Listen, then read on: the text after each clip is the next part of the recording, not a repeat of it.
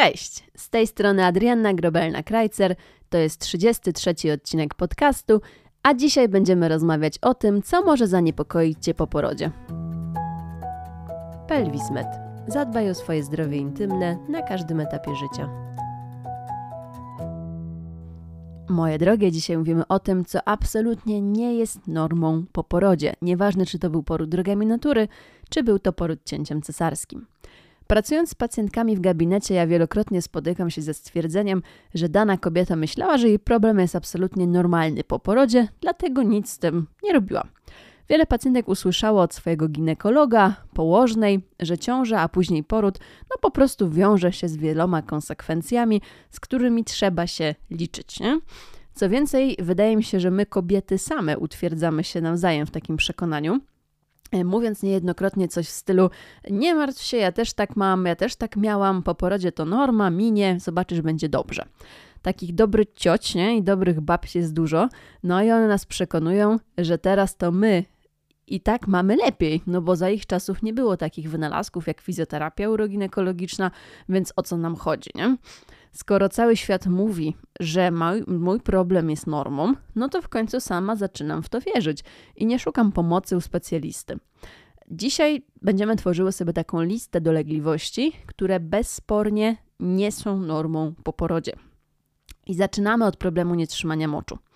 E, musisz wiedzieć, że każdy, absolutnie każdy wyciek moczu, który pojawia się bez Twojej świadomej kontroli, jest problemem i powinien być skonsultowany z lekarzem lub właśnie z fizjoterapeutą uroginekologicznym.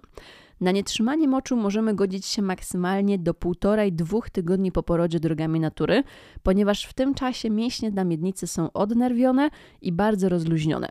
Natomiast po tych dwóch tygodniach powinnaś osiągnąć pełną kontrolę nad pęcherzem moczowym. Po porodzie cięciem cesarskim również nie powinnaś borykać się z nietrzymaniem moczu. Pacjentki wbrew pozorom często zgłaszają ten problem lekarzowi podczas tej kontroli popołogowej, ale dostają informacje o takim samoczynnym wygaśnięciu problemu po pół roku lub po zakończeniu karmienia piersią. Nie? To jest taki magiczny okres. E, pada właśnie hasło, proszę się tym nie przejmować, to minie. I prawdą jest, że ten okres laktacji wiąże się z niskim stężeniem estrogenu, który właśnie odpowiada między innymi za uszczelnienie cewki moczowej, ale nie u każdej kobiety właśnie nietrzymanie moczu będzie tylko i wyłącznie problemem hormonalnym po porodzie. Jeśli zauważasz u siebie problem, umów się na wizytę do fizjoterapeuty uroginekologicznego po okresie zakończonego połogu, czyli mniej więcej po 6 tygodniach. I uwierz mi, że dużo łatwiej pozbyć się małego problemu niż zaawansowanych, takich długoletnich, długoterminowych objawów. Kolejnym problemem, który nie powinien być bagatelizowany, jest odczucie ciężkości w pochwie, wrażenie ciała obcego lub nadmiernego wypełnienia pochwy i podbrzusza. To może świadczyć o obniżeniu się narządu miednicy mniejszej, a konkretnie mówiąc obniżeniu macicy, obniżeniu pęcherza moczowego, cewki moczowej, odbytnicy lub jelita. Jeśli dodatkowo dotykając warg stromowych e, myjesz się czy podcierasz i e, czy tam właśnie wejście do pochwy i odczuwasz, że znajduje się tam jakieś ciało obce, którego do tej pory nie czułaś, nie miałaś takiego wrażenia, warto pochylić się już naprawdę nad problemem. Odczucia mogą narastać w drugiej połowie dnia. Zaobserwuj, czy coś takiego u siebie widzisz. Kiedy już spędzisz właśnie trochę czasu na nogach, chodzisz, podnosisz dziecko, no po prostu zwiększa się działanie siły grawitacji i obniżony narząd schodzi niżej w pochwie, co potęguje Twój odbiór e, tego ciążenia. Obniżenie narządu po porodzie powinno być diagnozowane w pierwszej kolejności przez ginekologa, natomiast terapią zajmuje się właśnie fizjoterapeuta. Pacjentkę z obniżeniem warto wyposażyć w pesar, który podpiera narząd i nie dopuszcza do dalszego obniżania. Ale jeśli nie masz pojęcia, czym jest pesar, to zapraszam Cię do odsłuchania 12 odcinku podcastu. Tam wszystko tłumaczę na temat właśnie doborów pesarów, po co je nosić e, i dlaczego ta metoda jest fenomenalna według mnie. E, tutaj również znowu warto nie czekać na cudowne odpuszczenie dolegliwości, tylko rozpocząć terapię właśnie czym prędzej po porodzie. Idziemy dalej. Dalej nie warto godzić się na krępujący problem, jakim są gazy pochwowe. Gazy wydobywające się z pochwy, one nie mają zapachu. Jeżeli czujesz jakiś nieprzyjemny zapach, to warto tutaj skonsultować to z ginekologiem, może to świadczyć o infekcji. Ale te gazy wydają podobny dźwięk właśnie do gazów odbytniczych. Mogą pojawiać się w czasie seksu, mogą pojawiać się w trakcie ćwiczeń fizycznych, ale nawet w takich błahych aktywnościach, jak nie wiem, na przykład podnoszenie jakiegoś śmiecia papierka z ziemi. Pochwa musisz wiedzieć, że jest zbudowana z mięśni, które się napinają i rozluźniają. No i to powietrze bywa zasysane do pochwy i po prostu w wyniku skurczu mięśni wydobywa się na zewnątrz z tym takim charakterystycznym dźwiękiem bąka. Gazy pochwowe są normalne w sytuacjach, kiedy wykonujesz ćwiczenie z unoszeniem bioder w górę, e, na przykład most, na przykład świeca z jogi, stanie na rękach. Może kojarzysz, może miałeś e, styczność z taką sytuacją, ale również te gazy mogą świadczyć o osłabieniu mięśni na miednicy. Więc najlepiej by było udać się do fizjoterapeuty, który oceni stan mięśni na miednicy w trakcie badania przez pochwowego i zleci Ci indywidualne dobrane ćwiczenia wzmacniające, a może stwierdzi, że z mięśniami właśnie nie ma problemu, jest to tylko kwestia tej pozycji odwróconej, czyli dajmy na to tej świecy. Uwierz mi, tego problemu naprawdę można się pozbyć. Kwestia tylko i wyłącznie regularnej pracy, regularnych ćwiczeń aktywujących dno miednicy. Kolejnym problemem e, po porodzie, które spotyka pacjentki, jest ból w trakcie seksu. I tutaj jak bumerang wraca hasło proszę się nie martwić, to minie. Nie? Kto był w takiej sytuacji, to na pewno wie. Ale od czego my musimy zacząć? To w ogóle przyczyna bolesnego współżycia. Dlaczego to współżycie po porodzie jest bolesne? Jeśli w trakcie porodu drogami natury doszło do urazu krocza, czyli nacięcia albo pęknięcia, w miejscu rany wytwarza się blizna. Jeśli blizna jest tkliwa, napięta, może generować ból właśnie w trakcie seksu. Po zakończonym połogu i wygojeniu się tej rany, udaj się do fizjoterapeuty, który wykona prostą mobilizację blizny, a następnie nauczy cię, jak pracować z nią w domu. Mobilizacja, czyli takie rozmasowanie tej blizny. Jeśli blizna jest miękka i elastyczna, to nie powinna sprawiać bólu. Drugą taką przyczyną dyskomfortu w trakcie seksu może być suchość pochwy. No i w trakcie karmienia piersią jest to zmora, myślę, wielu kobiet, z którą większość walczy. Nie? Suchość generuje tarcie, no i po prostu prowadzi do bólu. Tutaj warto zadbać o prawidłowe nawilżenie śluzówki pochwy. No i w tym celu warto stosować preparaty na bazie kwasu hialuronowego. One są dostępne w formie globulek, w formie kremów. E, mogą to być też preparaty hormonalne, czyli estriolowe. Natomiast te już są zlecane na receptę przez ginekologa. Może też być problemem tutaj nadmiernie napięte dno miednicy, czyli mięśnie po prostu za bardzo napięte. W konsekwencji właśnie wejście do pochwy się zwęża i pojawia się ból lub wrażenie pieczenia w trakcie penetracji.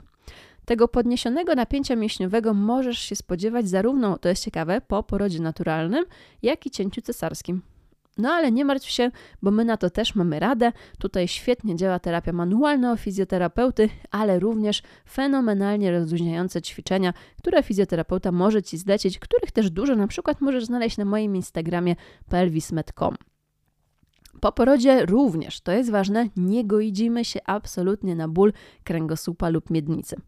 Musisz być świadoma, że Twoje ciało robi niesamowitą robotę, żebyś była w stanie urodzić dziecko.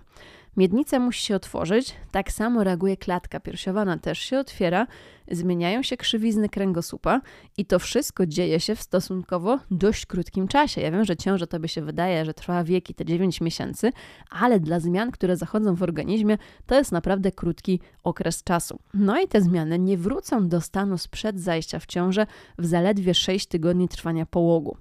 Dlatego musisz wykazać też odrobinę wyrozumiałości dla tego swojego ciała, ale po porodzie z kolei pojawia się problem wielogodzinnego karmienia, no i noszenia nie? w pozycji, e, której Twoje plecy nie lubią. Te plecy są często zamknięte, klatka piersiowa zamknięta, no i pojawia się ból. E, no i nie daj sobie wmówić, że tak ma być. Możesz szukać pomocy u fizjoterapeutów, masażystów, terapeutów manualnych, osteopatów. Oni pomogą ci uśmierzyć ból, poprawić przede wszystkim swoją postawę ciała i zlecą ci ćwiczenia mobilizacyjne, żebyś trochę otworzyła to napięte i zamknięte ciało. E, zwróć uwagę na sposób podnoszenia dziecka i spraw, żeby on był jak najbardziej ergonomiczny. Czyli staraj się schodzić do dziecka nisko na nogach, trzymając dzieciątko blisko ciała. Nie odchylaj się też do tyłu, żeby nie przeciążać kręgosłupa. Zadbaj też o wygodną pozycję do karmienia. Jeśli możesz, to zmieniaj tą pozycję. Spróbuj może karmić w leżeniu bokiem. To jest super pozycja, która odciąża zmęczony kręgosłup. E, wykorzystuj tutaj też te wszystkie rogale ciążowe, kształtki, poduchy, nawet zwykła kołdra zwinięta też się świetnie nada do tego, żeby troszeczkę malucha podnieść wyżej do piersi. W tym momencie ty już nie musisz się schylać tak mocno do dziecka, nie obciążasz znowu tego swojego biednego kręgosłupa. No i ostatnim problemem, który chcę omówić, e, jest ból albo właśnie ciągnięcie blizny, tym razem po porodzie cięciem cesarskim. I to również musisz wiedzieć, nie jest normą. Natomiast my oczywiście wiemy, że blizna się goi minimum te 3 miesiące, ale w tym czasie nie powinnaś właśnie czuć bólu. Jeśli podczas wykonywania jakiejkolwiek codziennej czynności domowej czujesz ciągnięcie, czujesz rwanie, jakieś ograniczenie ruchu, to Twoja blizna wymaga oceny i najprawdopodobniej mobilizacji u fizjoterapeuty. Mobilizacji, tak jak blizna po nacięciu, jak po pęknięciu krocza, czyli ponownie powtórzę, masażu, takiego najprościej mówiąc.